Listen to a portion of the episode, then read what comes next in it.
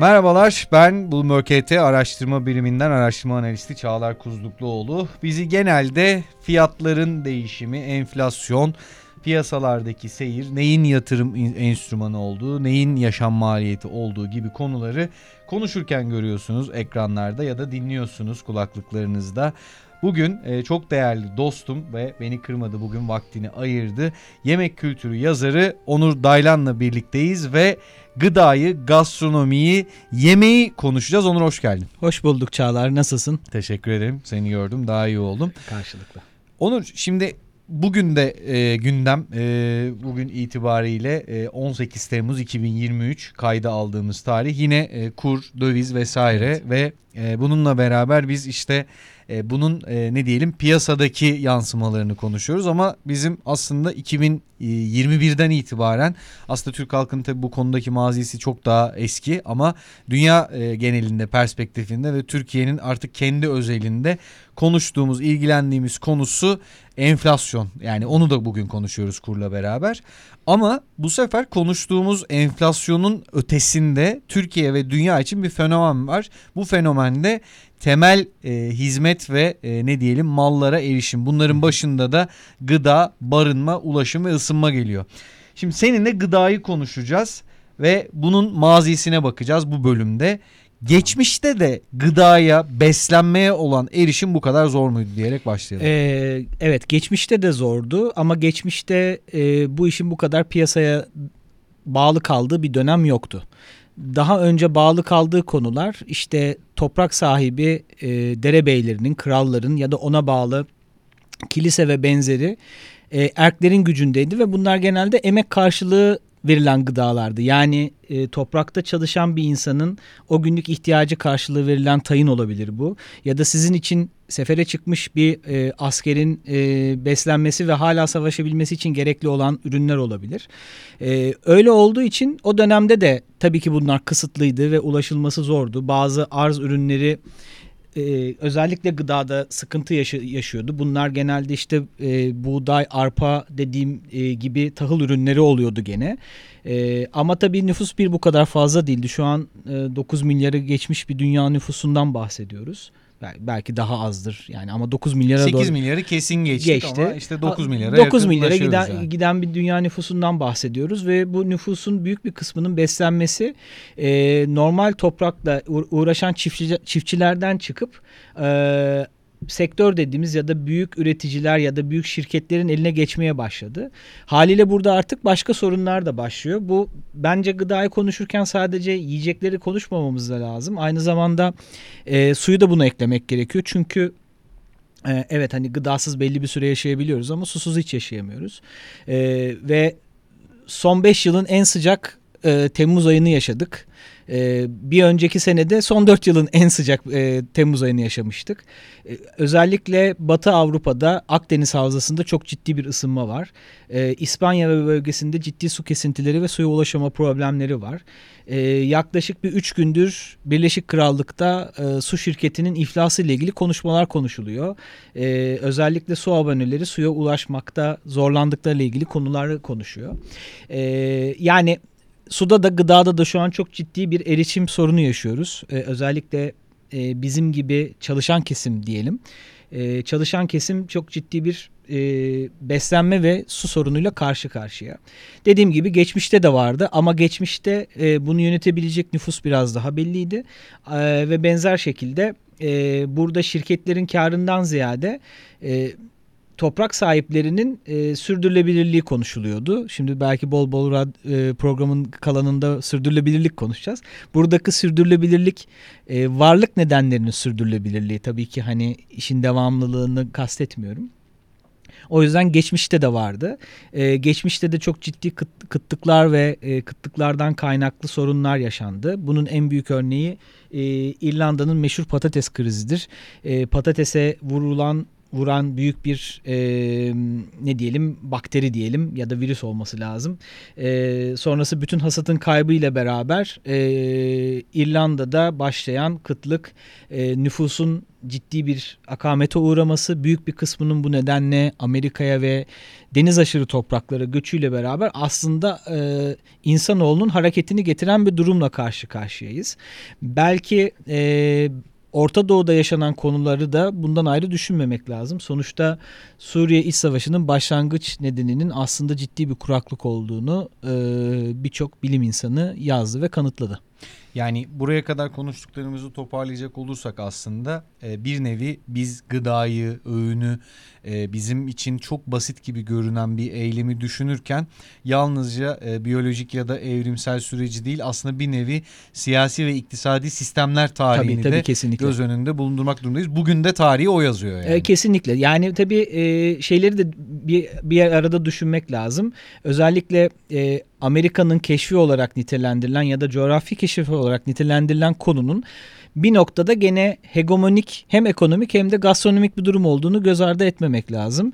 Ee, özellikle Osmanlı Devleti'nin o e, Akdeniz havzasına yerleştiği noktadan itibaren Avrupa devletlerinin baharat noktalarına e, merkezlerine ulaşmak için ve aynı zamanda orada da tabii ekonomik e, başarılarını devam ettirebilmek için bu keşiflere çıktığını e, hatırlamak e, gerekiyor.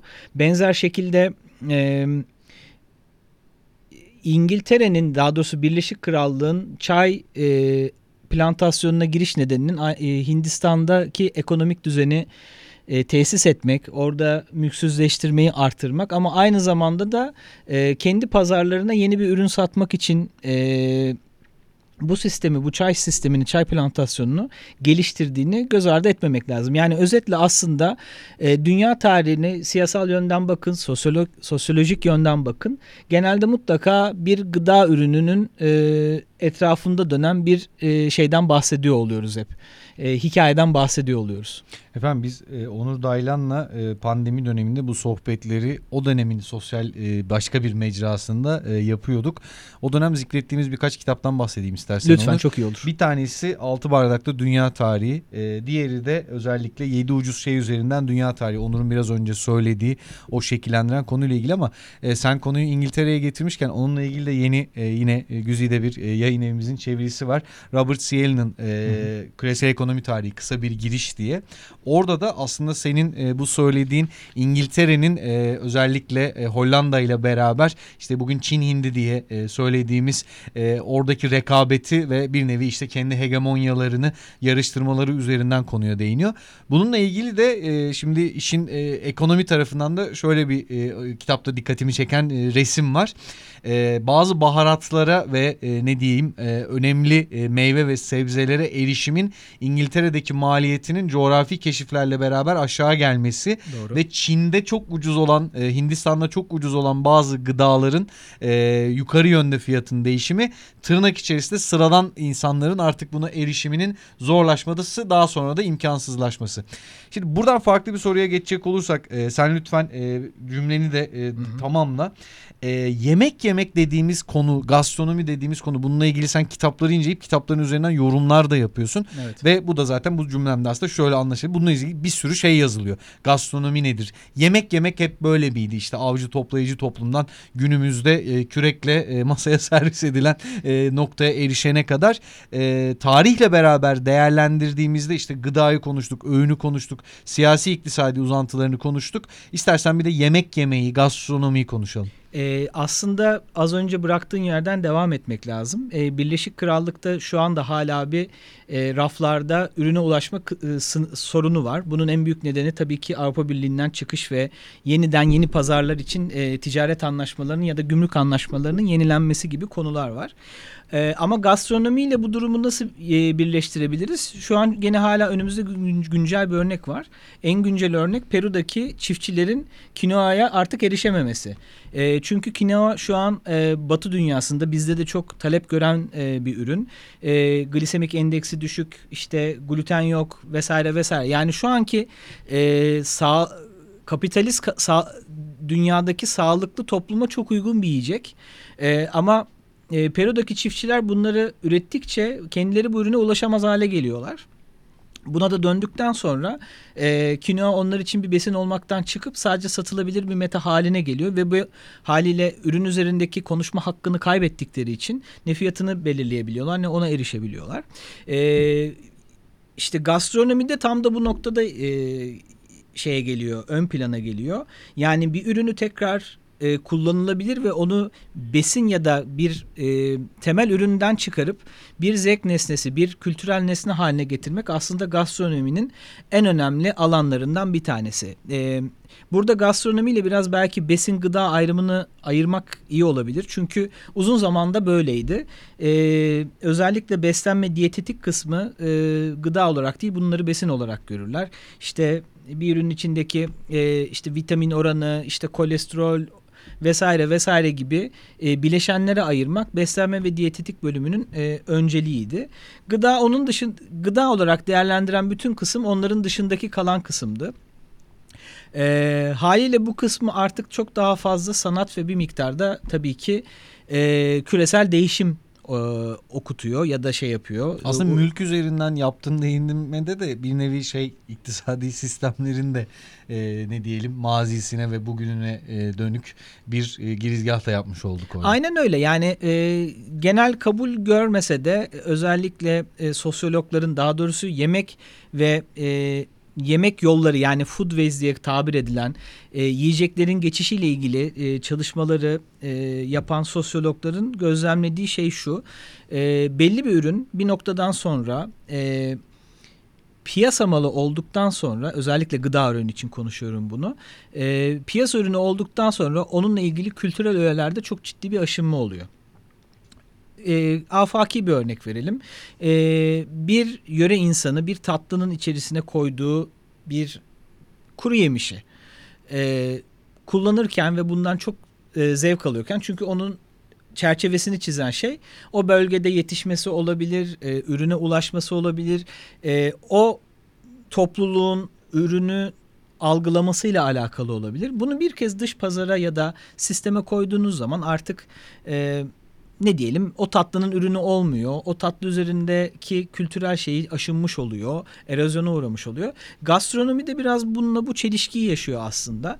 Gastronominin çok büyük bir kısmında biz hedonik zevklerden bahsediyoruz. Yani yediğimizin ne kadar lezzetli olduğunu, bizi nasıl mutlu ettiğini, oturduğumuz bulunduğumuz lokantanın ya da restoranın bizi nasıl e, mutlu kıldığını ya da orada bulunmanın bizi diğer insanlardan nasıl farklı gösterdiğini konuşuyoruz. Ama e, gastronomi her ne kadar buna bu tadı katsa da e, işin temelinde bir miktarda hep az önce konuştuğumuz beslenme, e, barınma gibi temel unsurlardan. Yani aslında gene biz besini konuşuyoruz. Sonra bunun etrafına çizdiğimiz ya da süslediğimiz bütün kenarlıklar bir anda bizim gastronomi dediğimiz alanın ya da çerçevenin tamamı oluyor. Şimdi e, sık sık aslında e, sen de ben de ne diyelim bugün doyurmakla e, zorunda olduğu dünyanın e, genel olarak bireyler ya da toplumlar bazında sorunlarına daha çok işaret evet. eder vaziyetteyiz. Şimdi bu noktada aslında biraz önce senin yaptığın konuşmayı da e, dinlerken aklımda şu canlandı. Mesela bugün direkt olarak belki besin değeri taşımayan e, şeylerden bahseder vaziyetteyiz ve e, ne diyelim masanın karşısındakine bunu yönlendirdiğimizde işte yapaylık mı diyelim ya da Hı-hı. sağlığa bir takım zararlarını e, dile getirdiğimizde şöyle bir e, karşıt görüş demesek de argüman önümüze çıkıyor. E bu kadar insanı neyle doyuracaksınız? Hı-hı. E, sen e, yine e, cümlelerini e, kurarken e, aklıma gelen bir diğer konu da şuydu. İşte 8 milyarı aşan bir dünya nüfusundan bahsettik. Hı hı. E, bugün e, işte biz buradaki yayınlarda e, şunu konuşuyoruz. Dünyada işte önümüzdeki e, özellikle 40 yıl içerisinde Çin'in ve Hindistan'ın dünyanın en büyük ilk iki ekonomisi olması.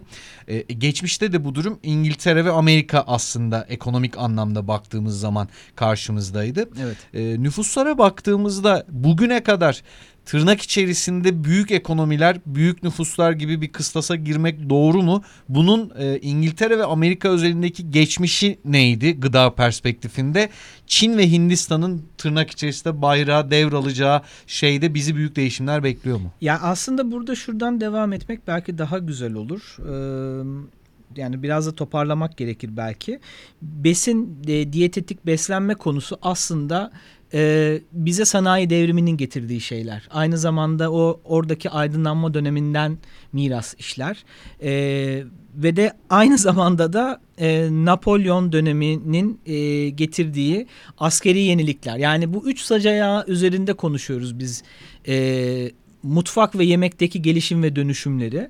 Ee, örnek vermek gerekirse Napolyon'un orduları beslemek için geliştirdiği konserve, konserve sistemleri, e, bunun akabinde gelen işte şu an o yapay katkı dedi, dediğimiz ürünlerin e, haliyle ürünlerin e, gıda ürününün muhafazasını ilerletmek ya da daha fazlalaştırmak için yapılan ürünler olduğunu biliyoruz. Bunun en önemli nedeni bir sanayi devrimi çünkü artık bazı şeyleri işlemeyi öğrendik. E, pazardaki tüketiciler e, bu tür şeyleri beslenme dışındaki noktalara geçmeye başlamışlardı.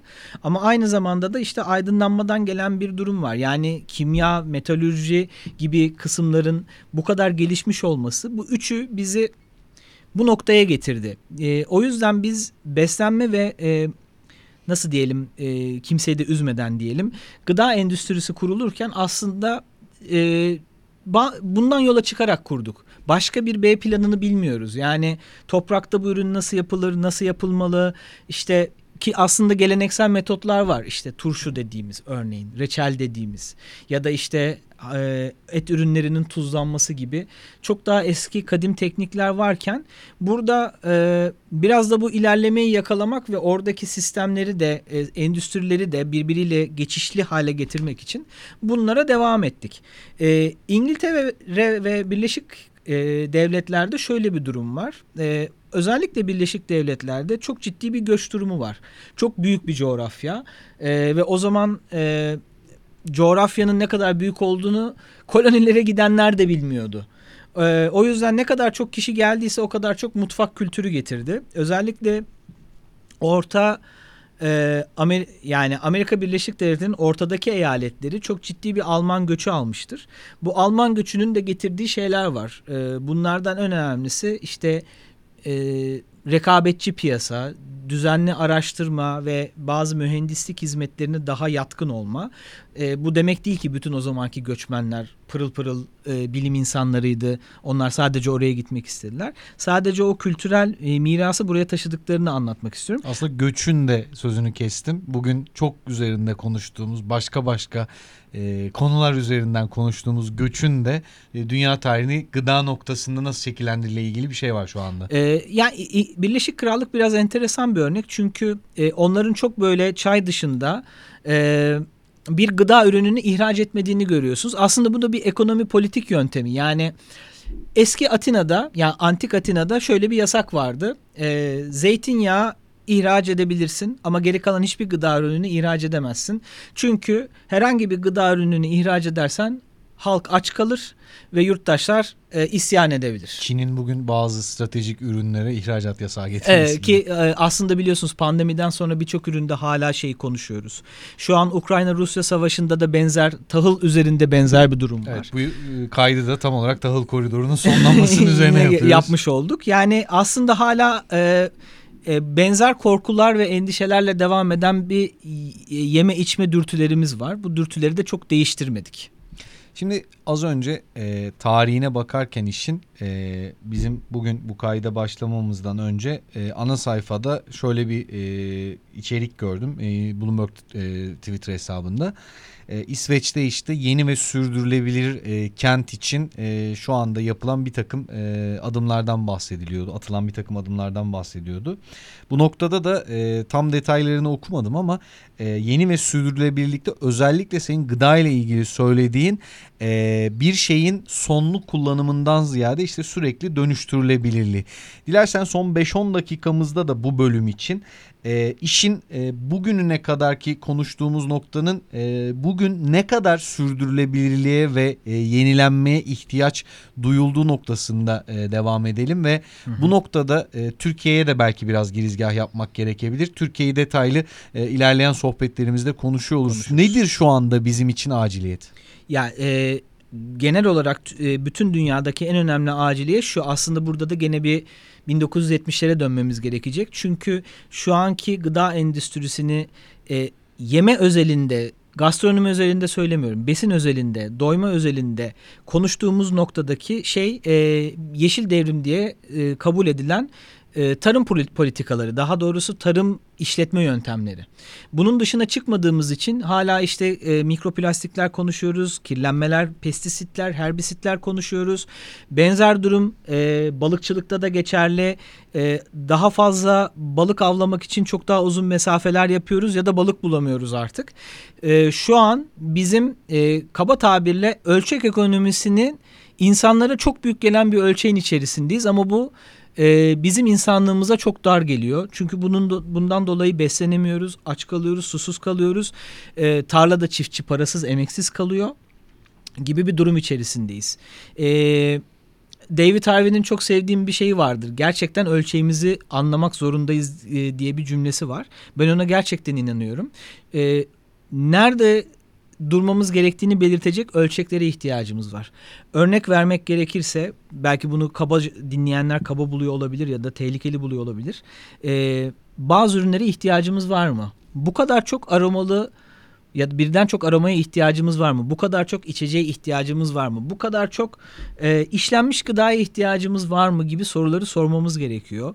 E, bu kadar çok e, büyükbaş hayvancılığa ihtiyacımız var mı? Ya da e, bu kadar büyük gemilere ya da teknelere ihtiyacımız var mı balıkçılık filosu olarak diye. O yüzden ölçeği doğru kurmamız gerekiyor. Ee, ölçeği doğru kurduktan sonra zaten işin zevk tarafına geldiğimizde de öyle olacak. Ee, örnek vermek gerekirse iyi bir hamburger yemek istiyorum ama şehirde bu kadar çok hamburgerciye ihtiyaç var mı? ya da İstanbul için özellikle. İstanbul yani bunu e, Amerika Birleşik Devletleri'nde konuşuyorsak daha da açın diye şey de olabilir ama ortada yenilen gıdanın gıdadan çıktığı bir durumdan bahsediyoruz. E, bu aynı zamanda bize palyatif çözümleri de getiriyor. İşte e, ete ulaşamadığımız için işte laboratuvarda üretilen etleri konuşuyoruz. İşte balığa ulaşamadığımız için işte çok daha az ama e, hiçbir zaman mutfakta e, yer bulmamış ürün balıkları acaba tüketsek mi diye kafalarda soru işaretleri oluşuyor. Ya da tam tersi e, denizler çok ısındığı için artık e, tropikal bölgelerde yaşayan deniz canlılarının e, Akdeniz'e ve bölgelere gelmesiyle zehirli ve bütün e, ekosistemi mahvedecek bu canlıları acaba tüketerek onları durdurabilir miyiz diye gene tırnak içinde sürdürülebilir ama palyatifliği konusunda benim şüphelerim olduğu alanlara gelmeye başladık. Ben o yüzden diyorum ki e, gıda ve su konusunda önce ölçeği doğru belirlememiz gerekiyor. E, ülke olarak da e, tabii aynı zamanda bütün dünya olarak da. Bazen e, gelir ve servet dağılımı ile ilgili e, özellikle işte dengesizlik, eşitsizlik, ekstrem yoksulluk gibi konuları konuştuğumuzda e, izleyicilerimiz, dinleyicilerimiz işte tamam evet bu dedikleriniz çok e, doğru ama işte e, bunu e, atıyorum işte e, borsanın çok iyi bir gittiği günde e, konuşmanın çok bir manası var mı diye serzenişte bulunuyor ama e, bu bölümün seninle bu sohbetimizin herhalde temel e, dayanağı geçmişe de bugüne de yarına da baktığımızda bizim öncelikle durduğumuz yeri ölçekle e, kendi durduğumuz yeri tam manasıyla anlayabilmemiz, kavrayabilmemiz ve ona göre bir e, yol haritası Kesinlikle. E, oluşturmamız noktasında söylüyorsun. Son olarak eklemek istediğim bir şey var mı? Bir de e, bir e, sonraki e, sohbetimize e, açıkçası e, bir süre e, vakit geçtikten sonra e, devam edeceğiz. Bu noktada senin güzel bir örneğin vardı. Özellikle e, denizdeki habitatla alakalı. Bazı kurumların e, her türlü denetimden geçmesine karşın işte Marmara Denizi ve evet. satılan ürünler anlamında. İstersen onu da paylaş. Değerli izleyicilerimiz de bilsin. Çünkü o benim çok sevdiğim bir örnek. Ee, Senden bildiğim bir örnek. Tam şimdi şeyi hatırlayamadım ama yani genel olarak bizim şöyle bir sorunumuz var e, Türkiye'de. Ya yani evet gastronomi konuşamadık. Şu an e, dinleyicilerimizden bu konuda biraz özür dilemek lazım.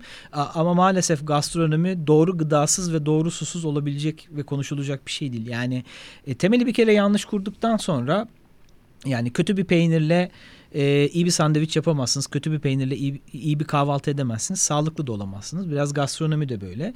E, kötü ürün üzerinden biz bir şeyler kurmaya çalışıyoruz. Bütün dünya bu arada böyle. Sırf bize özel değil bu durum. E, bu biraz zamanın ruhuyla da alakalı. Ben ne zaman konuştuğumuzu hatırlayamıyorum. O yüzden şu an hatırlamakta da zorlanıyorum. Yani e, en önemli ko- konu Marmara şeyinde özellikle müsilajlı ürünlerin tüketilmediği dendiği yerde tüketiliyor olması ya da e, Balık örneğiydi bu arada. Ha, Belirli yani- boyutlarda balığın şeyden devam satılmaması gerekirken satılmasıyla Ha, şey, alakalı. Şey, şey de olabilir. Bu konuda en güzel en tek örnek zaten lüfer biliyorsun. Evet. E, lüfer şu an artık e, ciddi anlamda e, belki de nesil sorunu yaşı deniz biyologları bizi düzelsin. Hatta dinliyorsa Mert Gökalp hocamız e, kulaklarını da çınlatalım. E, kendisinin bu konuda çok çalışması var. E, yani 25 santimden e, kısa lüferleri biz isim olduğu için geçmişte çünkü boldu. Çinekop olarak nitelendirebiliyorduk. Defne yaprağı olarak ya da işte e, farklı farklı boy adları vardı. Yapabiliyorduk çünkü nüfus azdı ve balık boldu. Şu an nüfus çok, balık az. Ve bu balıkları e, sat, sattığımız zaman e, kar elde edebileceğimizi, biz de doyabileceğimizi zannediyoruz ama belki iki sene sonra bu balık olmayacak. E, dinleyenler hatırlarlar pandemi zamanında ve pandemiden sonraki sene e, hamsi için yasaklar kondu. Çünkü olduğundan fazla avladık o hayvanları e, ya da balıkları. O yüzden e, durmak zorunda kaldık ve e, biz bilinçli olduğumuz zaman lüferin de tekrar yaşama ve lezzetli olma şansı var. E, öbür türlü yok. Ben o yüzden yanımda her zaman cetvelle geziyorum. E, balıkçı yani Beşiktaş ve Karaköy'deki balıkçılar muhtemelen artık benden illallah etmişlerdir. E, çıkarıp çıkarıp cetvelle balık boyu ölçüyordum. Hala da yaparım. E, şimdi artık cetveli çıkarmadan e, göz kararı ölçmeye çalışıyorum. Abi sen ne yapıyorsun laflarına muhatap olmamak için. E, ama özetle e, çok nadide bir balığı e, Akdeniz'de çok lezzetsiz olan e, boğaz lüferini e, tüketme aşamasına geldik neredeyse. Bu da bizim e, geçmişimizden alıp geleceğe taşıyamayacağımız bir miras olacak yani. Bir şeyler kaybolunca bir daha geri dönüşü olmuyor. E, Yani e, çok detaylı detaya da girmeyelim ama İstanbul'da çok daha eskililer hatırlarlar Arnavutköy çileğini, işte Tarabya ahududusunu ya da işte Çengelköy bademini. E, ama artık Çengelköy bademinin çok büyük bir kısmının e, Finike bölgesinde yetişen seralardan geldiğini bildiklerinde herhalde e, şaşıracaktır dinleyiciler diye düşünüyorum. Hazır cetvele gelmişken konu e, biraz önce de zaten e, ölçeğimizi doğru hesaplamak noktasında biraz e, sonuna getirdiğimizin mesajını vermiştik. İstersen burada noktalayalım bu Tabii, sohbetimizi. Bir dahaki sohbetimize kadar sizlere de esenlikler dileyelim. Yemek kültürü yazarı benim de çok sevgili ve saygın dostum Onur Daylan'laydık. Tekrar birlikte olmak ümidiyle diyelim E, o zaman. tekrar görüşmek dileğiyle diyelim o zaman. Çok teşekkürler. Hoşçakalın.